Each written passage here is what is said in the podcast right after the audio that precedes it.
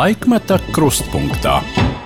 Esiet sveicināti 2023. gada pēdējā sestdiena un šī gada noslēdzošais raidījums Laikmeta krustpunktā. Pie mikrofona Arnēs Krause, producents Ilza Aginta.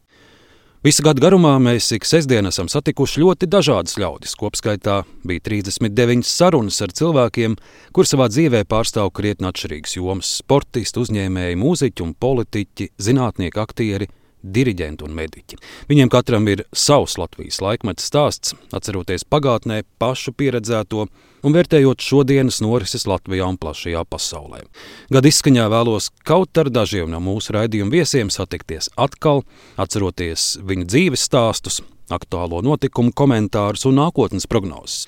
Mani sarunas dalībnieki gada garumā bijuši cilvēki ar ļoti atšķirīgām dzīves pieredzēm, bet gandrīz katrā sarunā kāds no viņiem pieminēja nemierīgo starptautisko situāciju, karu Ukrainā un ko tas nozīmē mums. Vēlos šo sestdienas sarunu atskatu sākt ar aktrisi Lilitu Ozoliņu. Mēs tikāmies pašā gada sākumā. Lilita bija atnākusi uz radio, kā ar vien eleganta, un sarunā sajūta viņas ziemeļnieciski atturīgo šarmu. Tā viņa ir teātris kritiķu dēvēta. Lilita Ozoliņa šogad devās mūžības ceļā, bet man ar vienu prātā, cik satraukti, bet arī silti un cerīgi viņa runāja par Ukrajinu. Fragments no sarunas ar aktrisi, kas Latvijas radio ēterā skanēja šā gada 21. janvārī. Lilita, par jums es iedomājos decembra mēnesī, kad braucot mašīnā, man fonā skanēja Latvijas radio raidījums ģimenes studija. Un tur tika intervēta viena ukraiņu ģimene, kas šobrīd ir patvērumu radusi Latvijā. Viņa šobrīd dzīvo, strādā Angurē.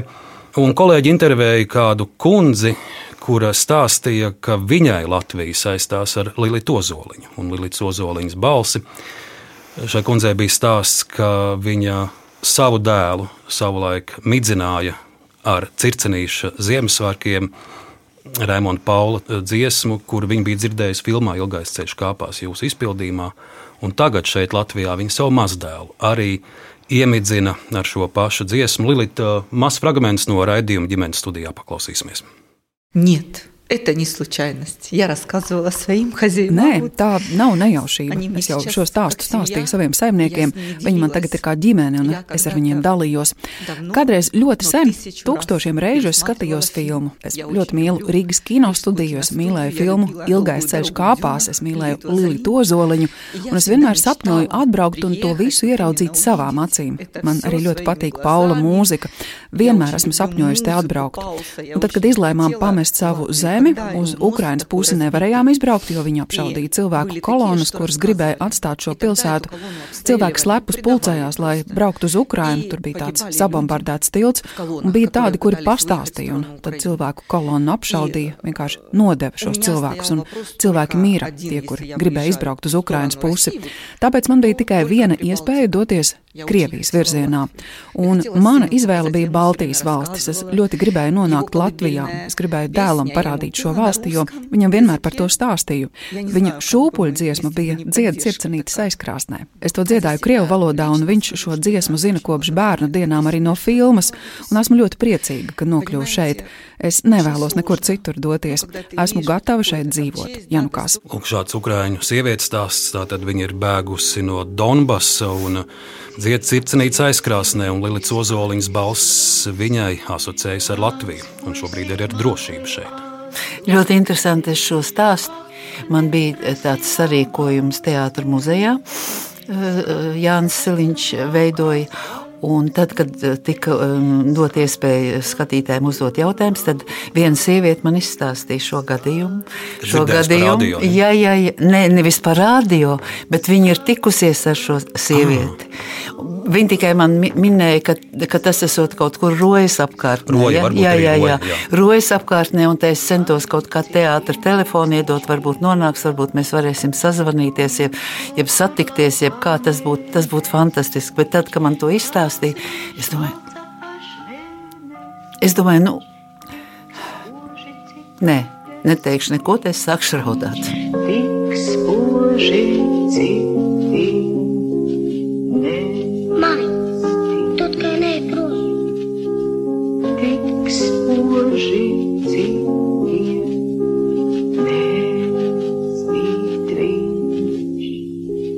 kāds bija tās pirmās?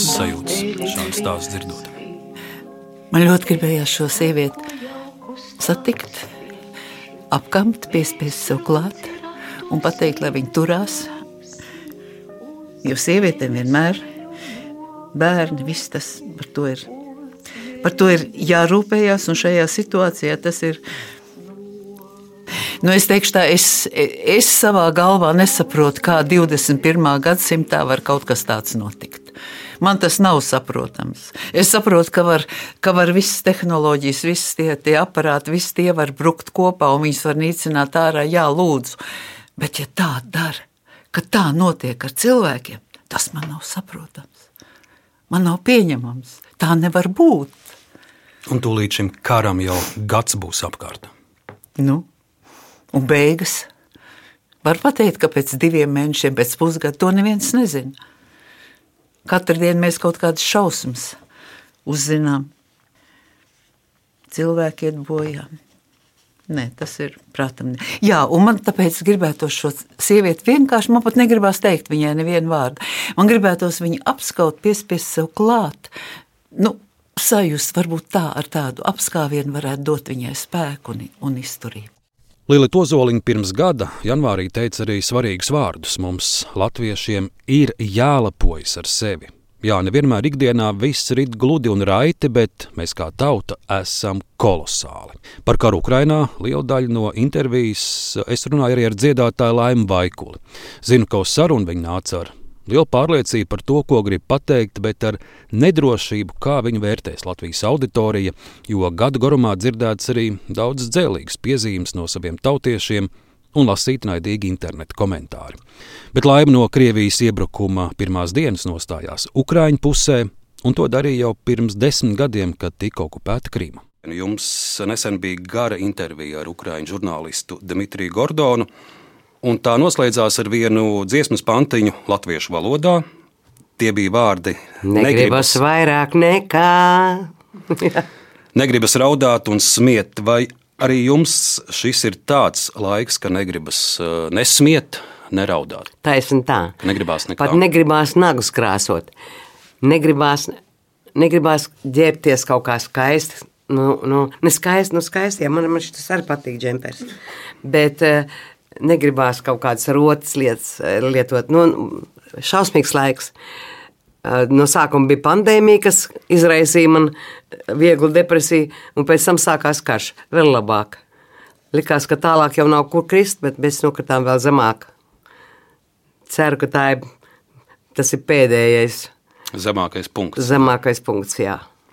Laimīgi, ja daudz gadu garumā jūs intervijās runājat gandrīz tikai par mūziku, tad uh, Tagad sarunu lielāko daļu aizņem politika, un šķiet, ka pēdējos mēnešos par politiku jūs esat pateikusi vairāk nekā visas savas karjeras laikā. Jā, un kas svarīgi par um, Krievijas agresiju Ukrainā, jūs runājat skaidru valodu, tiešu valodu.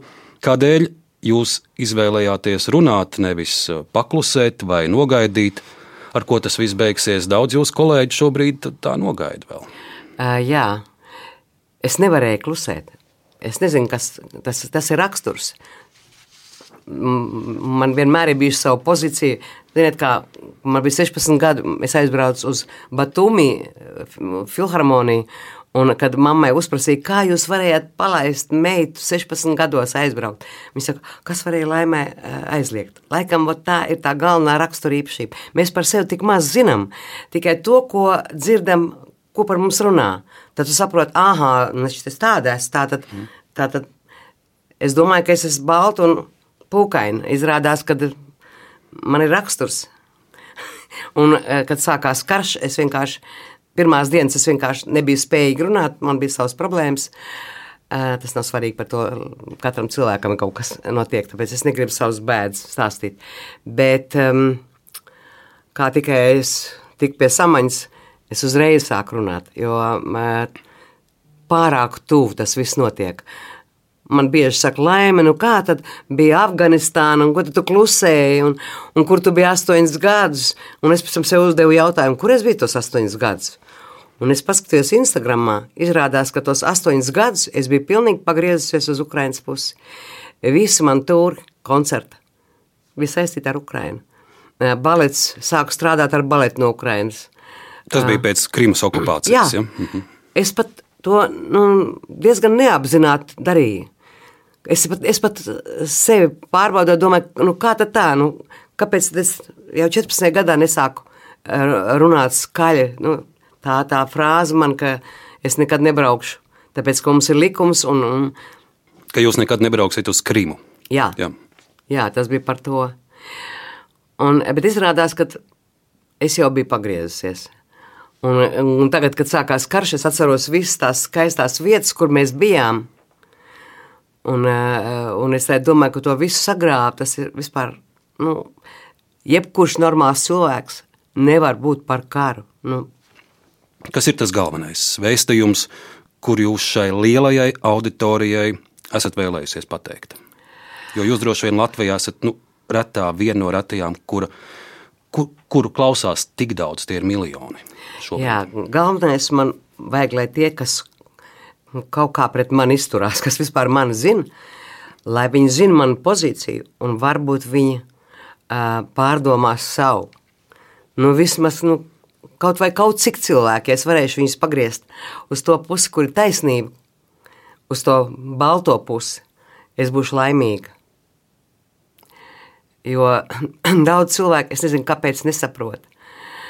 Nu, no otras puses ir skopi, ir tādi, kas izšķēž naudu, ir bailīgi, ir drosmīgi. Nu, cilvēki ir dažādi.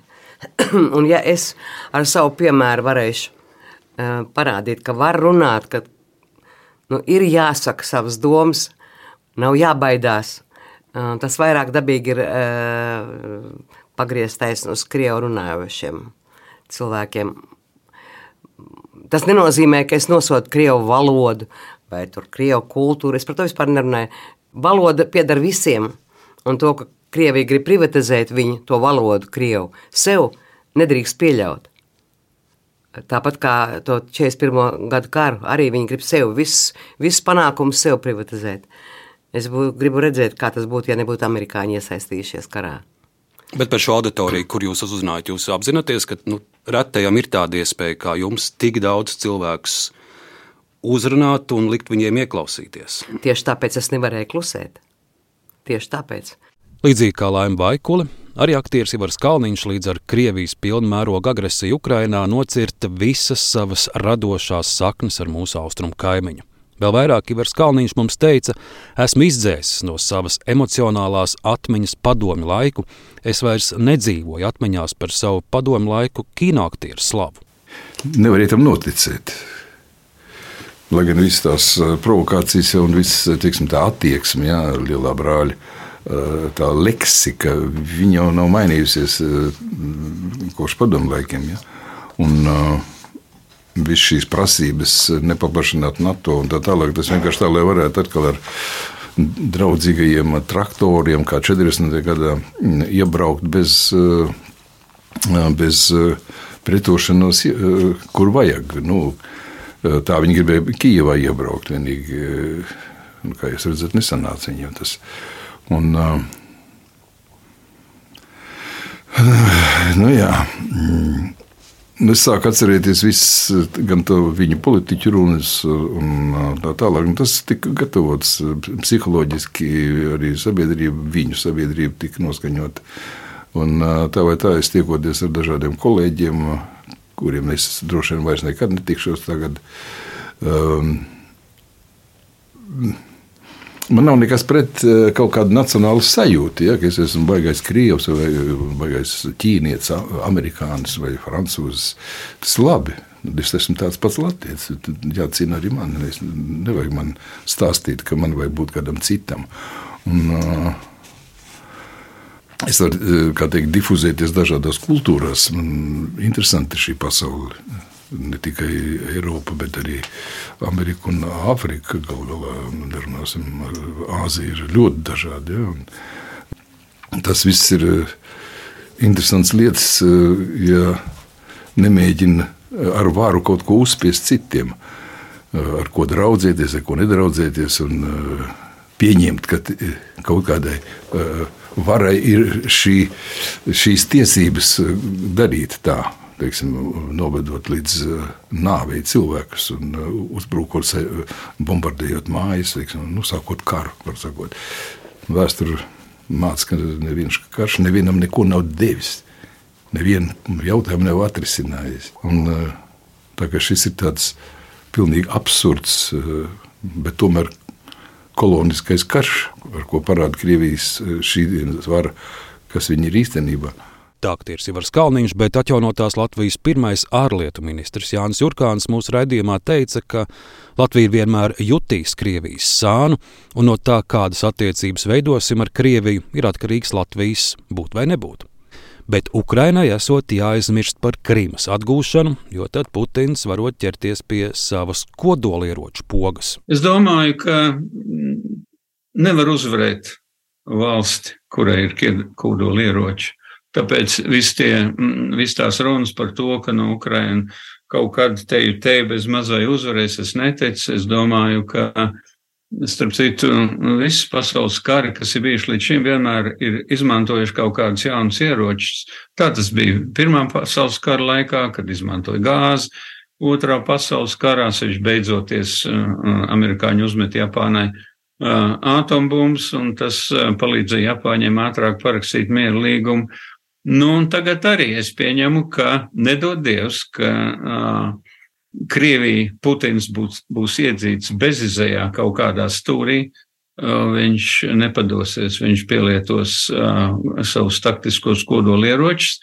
Tas, ka rietumos saka, nē, nē, nu viņš uh, baidīsies no uh, iespējamā pasaules kara, es domāju, ka tad, kad viņš to izdarīs, ja viņš to izdarīs, uh, Es domāju, ka tad rietumi sapratīs, ka ir jārunā par pamieru, mieru izlīgumu. Es nezinu tās formulas, kādas varētu būt, bet es neticu, ka tad, kad Krievija Putins pielietos taktiskos kodolieročus, būs atomkarš.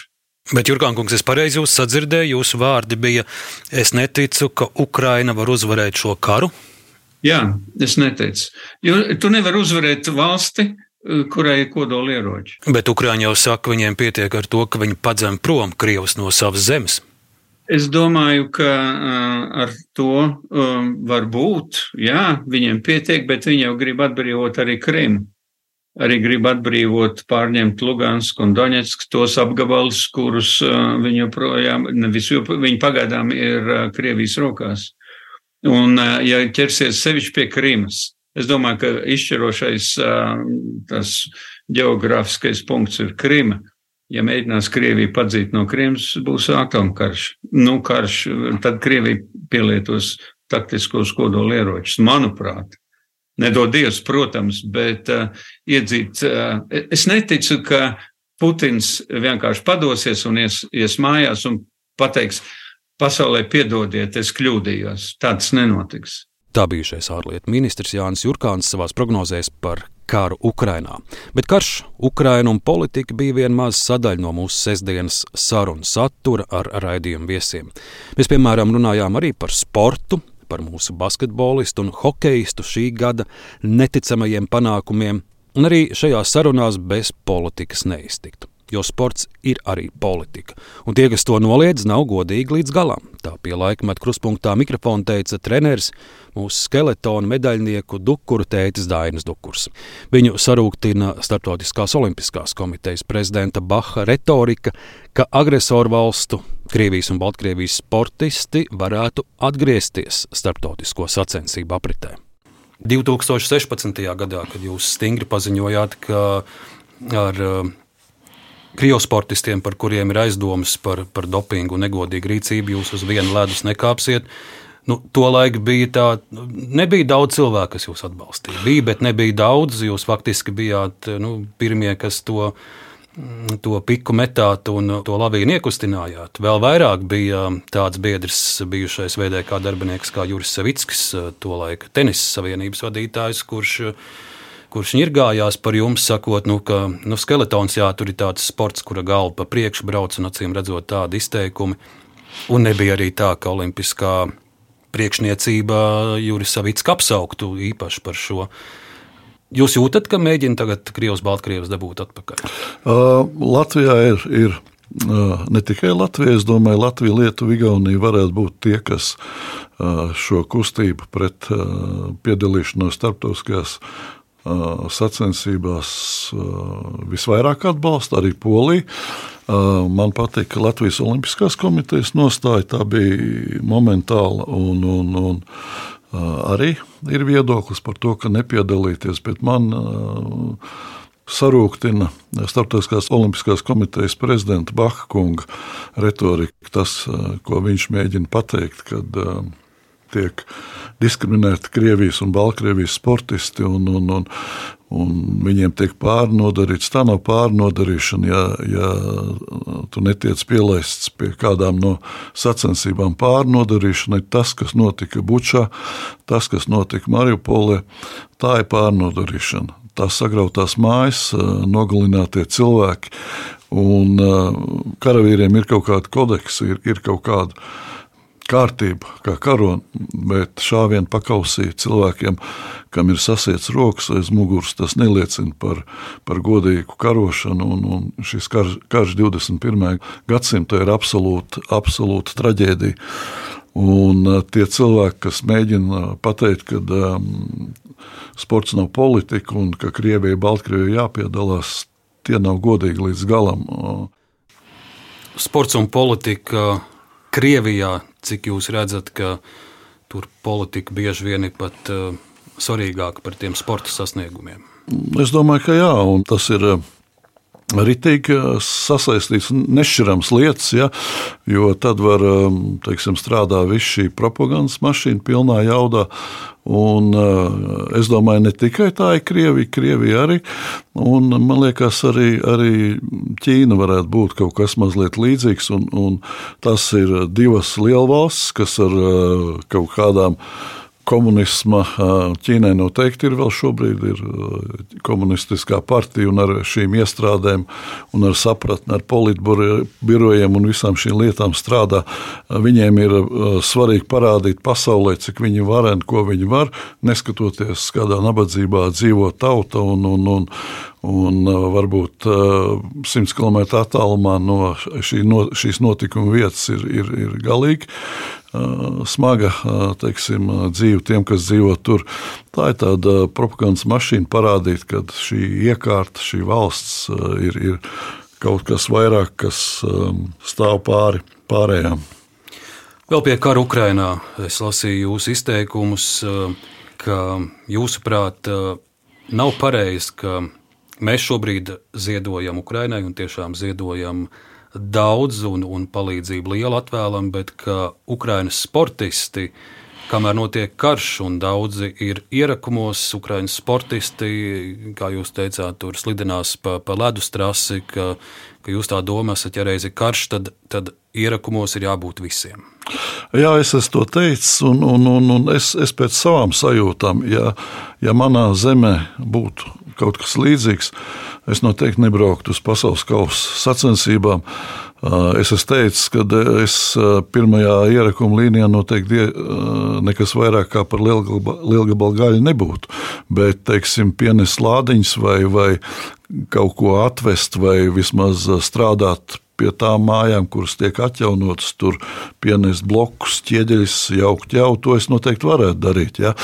Man bija diskusija, viena, kur, kur man teiksim, teica, jā, bet nu, tāds kā Usiks, ja, boxers, tas, jā, tāda personība, kurš ir arī uz dēļiem guldījis krievu boxers, jā, šajā situācijā šāds cilvēks ir, ir tas vēstnesis, kas, kas aiznes un pasaka, jā, mēs esam stipri un, un kurā varbūt ieklausās, bet tas cilvēks, kas trešā līmeņa pasaules sacensībās brauc pa 25. vietu, man rodas jautājums, es esmu ziedojis, dzīvojis.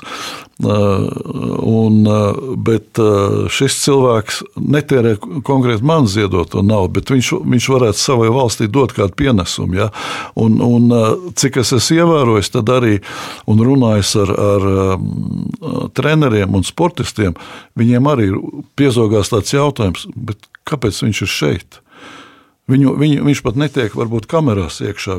Viņu neviens nesadzird. Jā, Vlads, ko izdarīja, Heraskevičs, ko izdarīja, izvilka šo, šo savu mēsīču, ko viņš eh, parādīja pasaulē. Jā, šāds cilvēks ar, ar, ar to, ko viņš izdarīja, tur ir kaut kāds ziņas, ir kas nes šo labo ziņu. Bet tie, kas ir patērētāji, ja, kas izmanto momentu, es domāju, ka viņiem vajadzētu atgriezties un, un, un es viņu nesūtu. Man nav tiesība to darīt, doties pirmajās līnijās, bet strādāt savas valsts labā noteikti būtu viņa pienākums. Bet tas ir tikai subjektīvs mans viedoklis. Es, es eh, no savu skatu punktu mēģinu to pateikt. Dzirdējām treneru Dainu Dukuru. Mēs vēlamies spēku Ukrāņiem, vēlamies arī spēku un veiksmi visiem mūsu sportistiem. Bet mūsu tautas spēks ir dziesmas spēks. Šis bija dziesmu un dēļu svētku gads. Par šo īpašo un svēto tradīciju, par tās turpinājumu arī šogad runājām ar raidījumu viesiem. Lielā kopkora priekšā šovasar stājās diriģents Māris Sirmais. Jā, un, un es, es vēl vienu, citu, man liekas, ļoti būtisku lietu vēl gribu pateikt attiecībā uz to savu vērtējumu par eh, vērtībām, kas mums paliek aiz katriem dziesmu svētkiem. Eh, skaidrs ir viens, ka mums ir tādi simboli, bez kuriem mums varbūt pat ir grūti iedomāties, un varbūt tie simboli, dēļ kuriem mēs vispār gribam būt tajā meža parkā un būt šajā klātesamībā tieši tajā brīdī. Bet ir ārkārtīgi svarīgi kāda ir tā nākotnes vīzija, jeb virzība, un kas paliek no šiem dziesmu svētkiem. Mēs nevaram dziesmu svētkus veidot tikai uz gaismas pilsētas, manai dzimtenei, kas saka, uz tām jau klasiskajām vērtībām, tagad jau varētu arī piesaukt Rēmonu Tigulu Leķasalīti, ja? teiksim, uz tām vērtībām, ir ļoti svarīgi, kas paliek ar šiem dziesmu svētkiem. Kuras dziesmas pēc tam vēlāk, kas ir iekļauts šajā dziesmu repertuārā, pēc tam atgriežas no pagājušiem dziesmu svētkiem. Ir viena dziesma, un tā ir Latvijas saulīte, kas ir iekļauta arī šajos svētkos, un kas ir tautā mīlēta un cienīta, un dziedātāji ar lielu, un arī klausītāji, manuprāt, ar lielu, lielu prieku gaida šīs dziesmas, kā saka, izskanēšana vai skanēšana.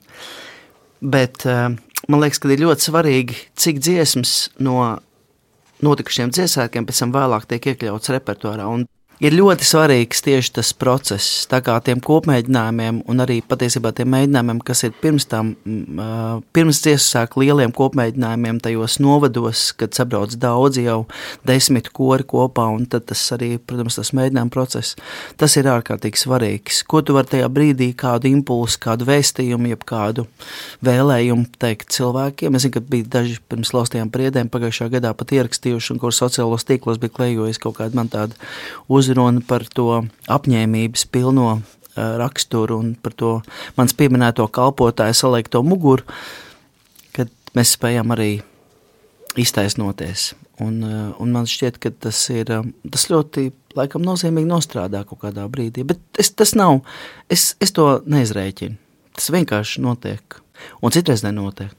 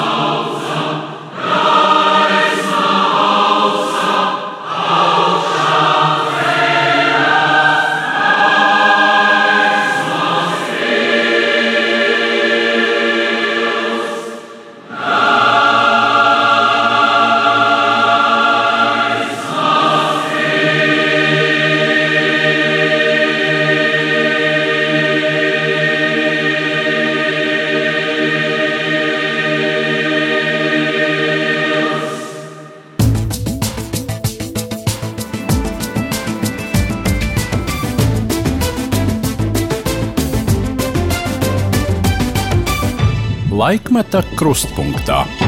Par dziesmu svētku īpašo enerģiju un spēku mēs šogad runājām arī ar diviem aktieriem, Girtu Jakovļevu un Jānu Paukštelo. Abi 90. gadu sākumā vadīja lielos koncertus, un abi saka, ka tas bijis viens no viņu radošās dzīves augstākajiem punktiem, atceroties arī savu klātbūtni lielajos svētkos. 1990. gadā jūs kopā ar Lilitu vadījāt dziesmu svētkus. Tas ir bija... augstākais lidojums, teikšu, dvēseles, kas man ir bijis. Jā. Tie bija pirmie dziesmu svētki, kad atkal skanēja Dievs svētīja Latviju, kad bija sarkanbalti sarkanie karoga. Tātad tā ir 1990. gada ieraksts Rūtas Paulas saruna ar Lilitu Ozoliņu un Girtu Jakauļau. Paklausīsimies!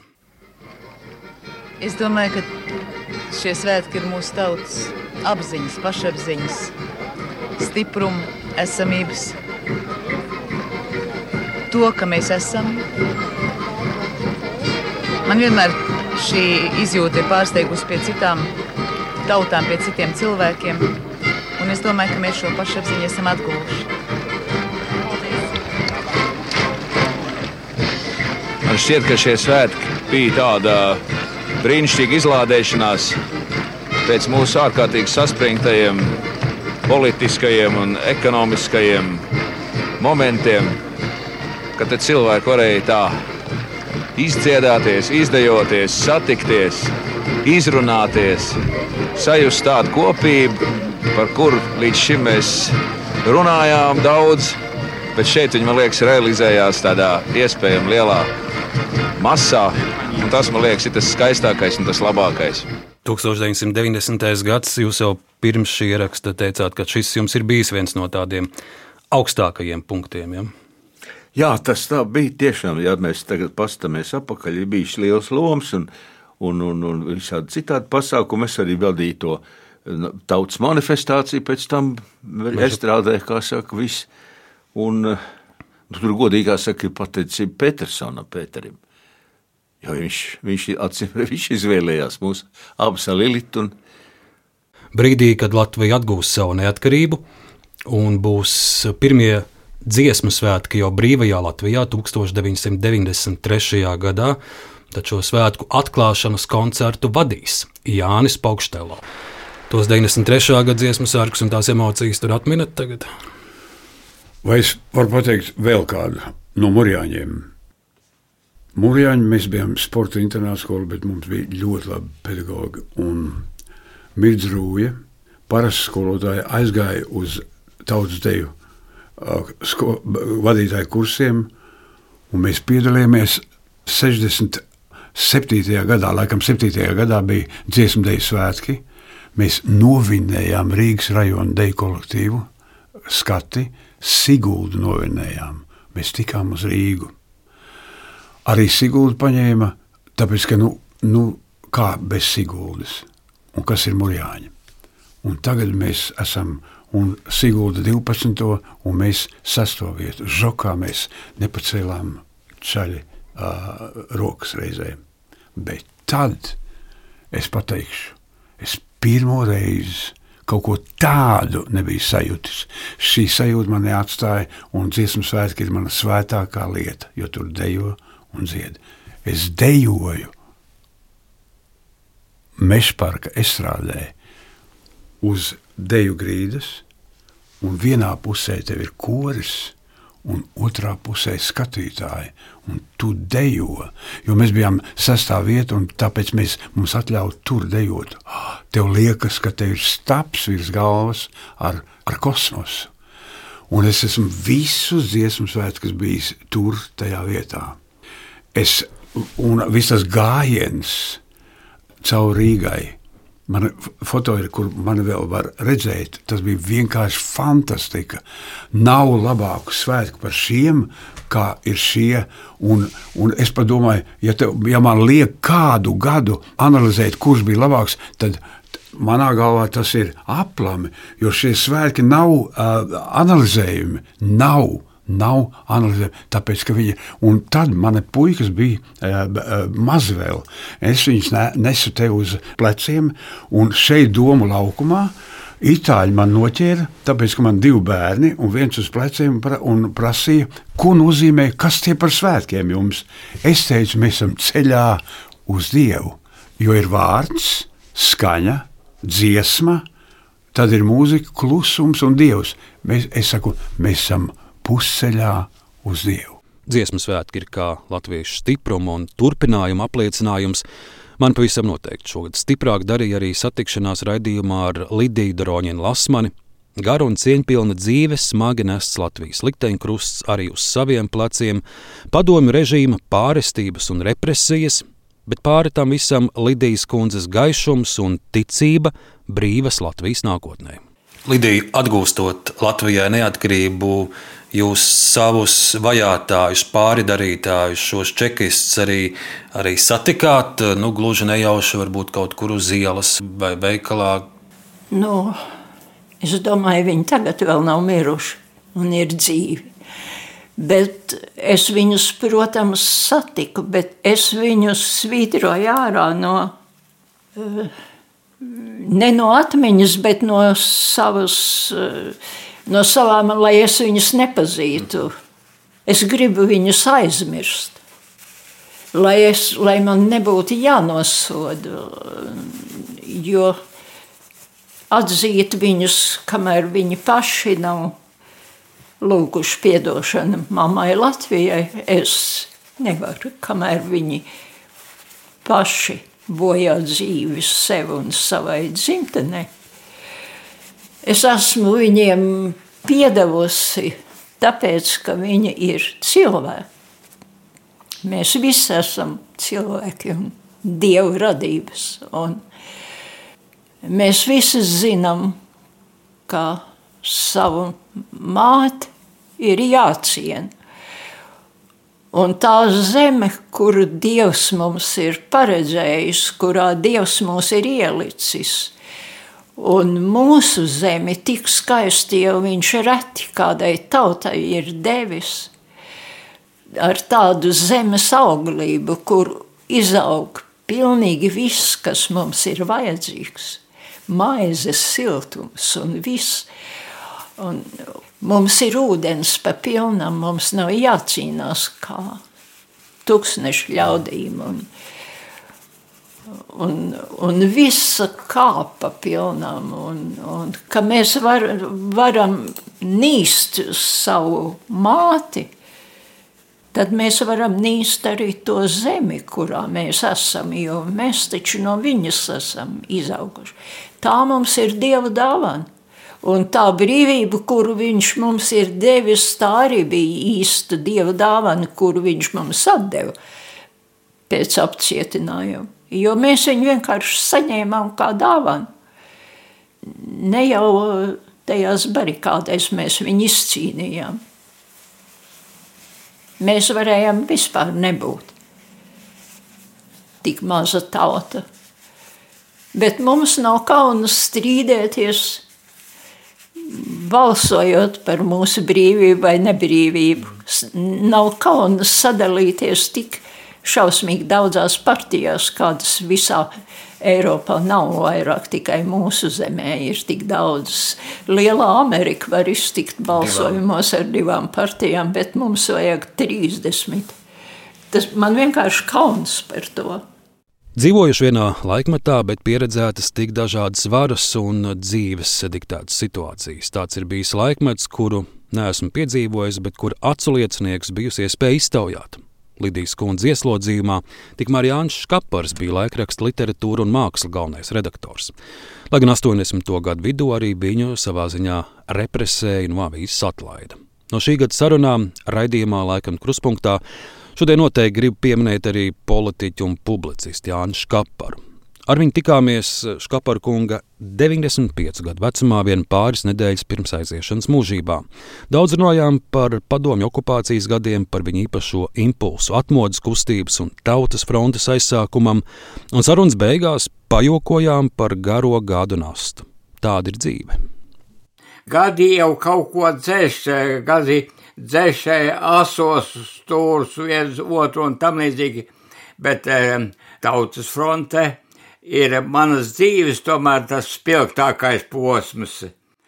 It īpaši tagad tas karš eh, starp Krieviju un Ukrainu palīdz atmiņā atgādināt, ko nu, nozīmē mūsu tie gadi, ka, ka mums izdevās eh, dabūt brīvību un neatkarību toreiz, bet Ukraina bija diezgan aktīva toreiz uh, arī tādā ziņā, bet uh, pa brīvību viņi cīnās tagad. Tautas fronte izpilgtā atmiņot, tāpēc, ka tas bija mūsu milzīgs darbs un bieži uz augsta riska pakāpes arī darbs, kas mums pašs bieži satrauca. Nu, mēs zinām, ka te, te kādā brīdī var būt ar kaut kas negaidīts un, un tam līdzīgi. E, mums e, varbūt ar gāja veiksmīgāk, tāpēc, ka visa apkārtējā situācija toreiz bija nemierīgāka, pretrunu pilna, tas sakot, it īpaši padomu sabiedrība, dzīvot tā, vairs viņi nevarēja, kā viņi dzīvoja. Tas man pierakstīts ar manā, gan manās dienas grāmatās, gan arī dažādos materiālos par literatūru mākslu, jo bija skaidrs, ka kaut kas jādara, kaut kam jāmainās, bet uh, tomēr tā tautas aktivitāte trešajā atmodā ir milzīga. Tauta to gaidīt. Un, un, un dažreiz saka, ka var atkal kaut kas tāds līdzīgs pilnīgi atkārtoties. Tādi laikmeti kā tautas fronts laiks netik bieži tur jānobriest situācijā, lai, lai tauta būtu gatava. Iedomājieties, lai tūkstoši nāktu ielās, lai tūkstoši eh, un desmit tūkstoši, nu simt tūkstoši taču nāca no Eh, tautas un eh, gāja Daugomalā uz mītiņiem. Mītiņi pēc būtības toreiz bija savu veidu karš, un spēcīgākos viļņus šīs akcijas deva tad, kad mēs saskaņot ar lietuviešiem un igauņiem to darījām. Tad mums visvairāk veicās. To tomēr respektēja, tas sakot, katrā ziņā. Labums vēl bija mūsu ceļa izvēle mēs izvēlējāmies parlamentāro ceļu diezgan agri. Tas bija izdevīgi arī tāpēc, ka toreiz bija tādi notikumi, demokrātiski notikumi, it kā demokrātiski notikumi, kas mums ļāva brīvāk darboties šādā virzienā. Škaparkungs palasot tā laika vēstures materiālus no Tautas frontes dibināšanas, es tur redzu, ka viena daļa Tautas frontes dibinātāju uzskatīja, ka, ka varbūt tie procesi ir jāvirza lēnāk, Citi gluži pretēji teica, ka mums ir jāprasa maksimāli daudz un uzreiz pilnīga neatkarība, un tad bija arī, arī tādi, kur izvēlējās vidusceļu. Pa kuru no šiem ceļiem gājāt jūs? Mūsu ceļš ir e, aktīvs, tādā ziņā es neteiktu, ka to varētu saukt par vidusceļu, bet e, es jau toreiz uzskatīju, ka galvenais nevis izkliegt kaut kādu lozungu, bet galvenais, lai uzvarētu mūsu mērķi, tas sakot, programmu un paņēmienus ceļu, izvēlēties tādu, lai mēs varētu uzvarēt, jo nebija jau svarīgi izkliegt kaut kādu ļoti, ļoti radikālu, šķietami radikālu programmu, bet tur nevar panākt nekā. Jeb nebija pareizi arī tas, ka daži arī vārdarbību pieļāva, tas sakot, Tā bija priekš Latvijas nereāla lieta, vardarbība, jo Latvijā bija milzīga armija, Baltijas kara apgabals, eh, militārās iestādes dažādas, arī drošības iestādes. Mēs būtu daudz cilvēku zaudējuši, ļoti, ļoti daudz. Bet ar dziedātāju jau akurāti mēs tikāmies tieši valsts svētkos. Vaicā ievai, kas viņai dod ticību un pārliecību, ka mūsu brīvajai Latvijai būs saules mūžs. Es lūdzu ar lielu spēku, galvenais, ar lielu dziļu sirds mīlestību par mieru un par Latviju, pat mazāk ar vārdiem, vairāk ar sirds spēku. Un vēl es katru reizi, kad es dziedu eh, joprojām šo dziesmu manai tautai, es tajā brīdī, kad pievienojas visi klausītāji, jo tas vienmēr notiek otrajā piedziedājumā, tad es jau pilnīgi jau aiz laimes lidoju, jo es jūtu, ka mēs visi lūdzam. Mēs ļoti nopietni vienmēr lūdzam, un visi kopā lūdzam par vienu. Un, un tas ir liels spēks. Ieva, šodienas Latvijā, kas tevi stiprina un dod ticību, ka, ka mūsu Latvijai būs saules mūžs? Man dod ticība tas, ka uh, Latvijas tautā ir mājo tāda garīga domforma, kura ir kristāli dzīvā, tīra, ētiska, ļoti atbildīga, ļoti žēlsirdīga, ļoti tāda, kas ieklausās pasaulē, jo Latvija jau arī izskatās pēc austiņas, ja geogrāfiskā līnijā. Un, un, un tā mūsu tautas un patiesības un mūsu tādas uh, iekudētās uh, humanismu, mīlestības sajūta un tas uzdevums. Es domāju, ka viņš ir tāds pārliecīgs šai ciltī, kas ir latvieši. Un ka tas ir pat kaut kas tāds, ko mēs nesam vēl no senākiem laikiem, kad uh, nu, man ir tā sajūta tāda. Es arī daudz ko esmu lasījis par vēsturi, Uh, un, un interesējusies par dažāda, dažādu tautu kultūrām, ticībām un, un ētiskajiem kodiem un tam līdzīgi.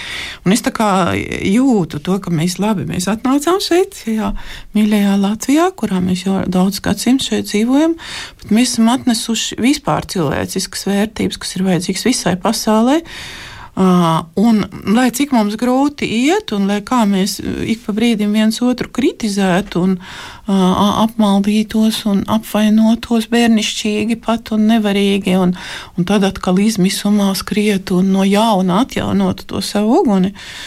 Uh, nu, tā ir tāda mūžīga, tā lielās mīlestības, lielās cilvēcīgās palīdzības. Tā, no doma forma un uzdevums. Tas ir tāds, kas ir mūsos vienkārši iekšā, un viņš skan vienmēr, kad mēs sapulcējamies. Un, uh, Nemaz nerunājot, protams, par dziesmu svētku izjūtu, jo tas vis, visiem uzreiz skudriņas ieskrien. Un tā, tā, tā ir mīlestības, tā ir dzīvības uh, ticība.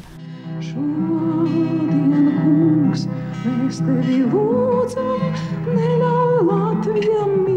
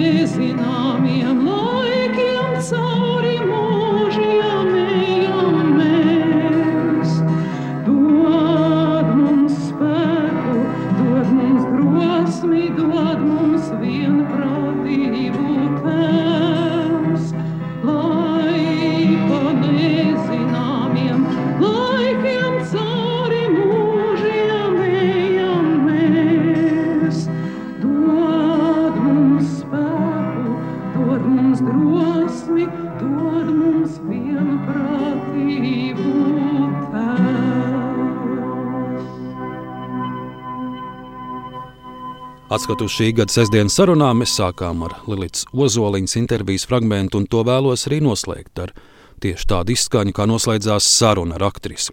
Mūsu raidījumā skan daudzi arhīvu fragmentu, un es Lilitai šeit radio studijā piedāvāju noskatīties LTV vecgada raidījumu ierakstu no 80. gadu sākuma, kur raidījumā viņa bija duetā ar šī gada apaļo jubilāru Uldi Dumpi.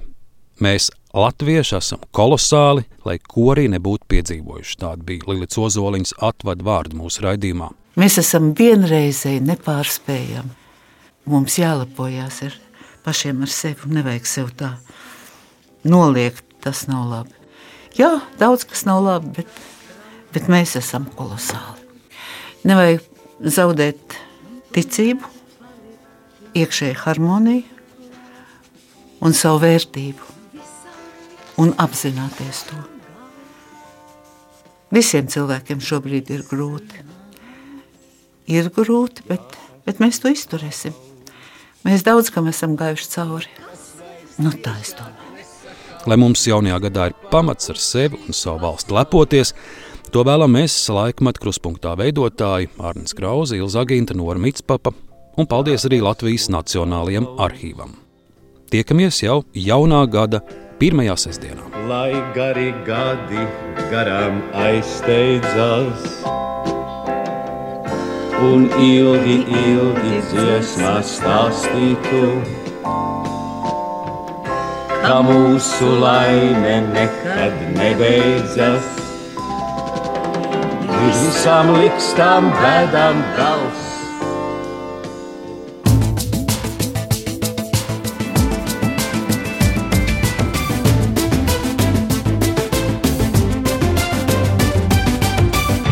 Laikmeta krustpunktā.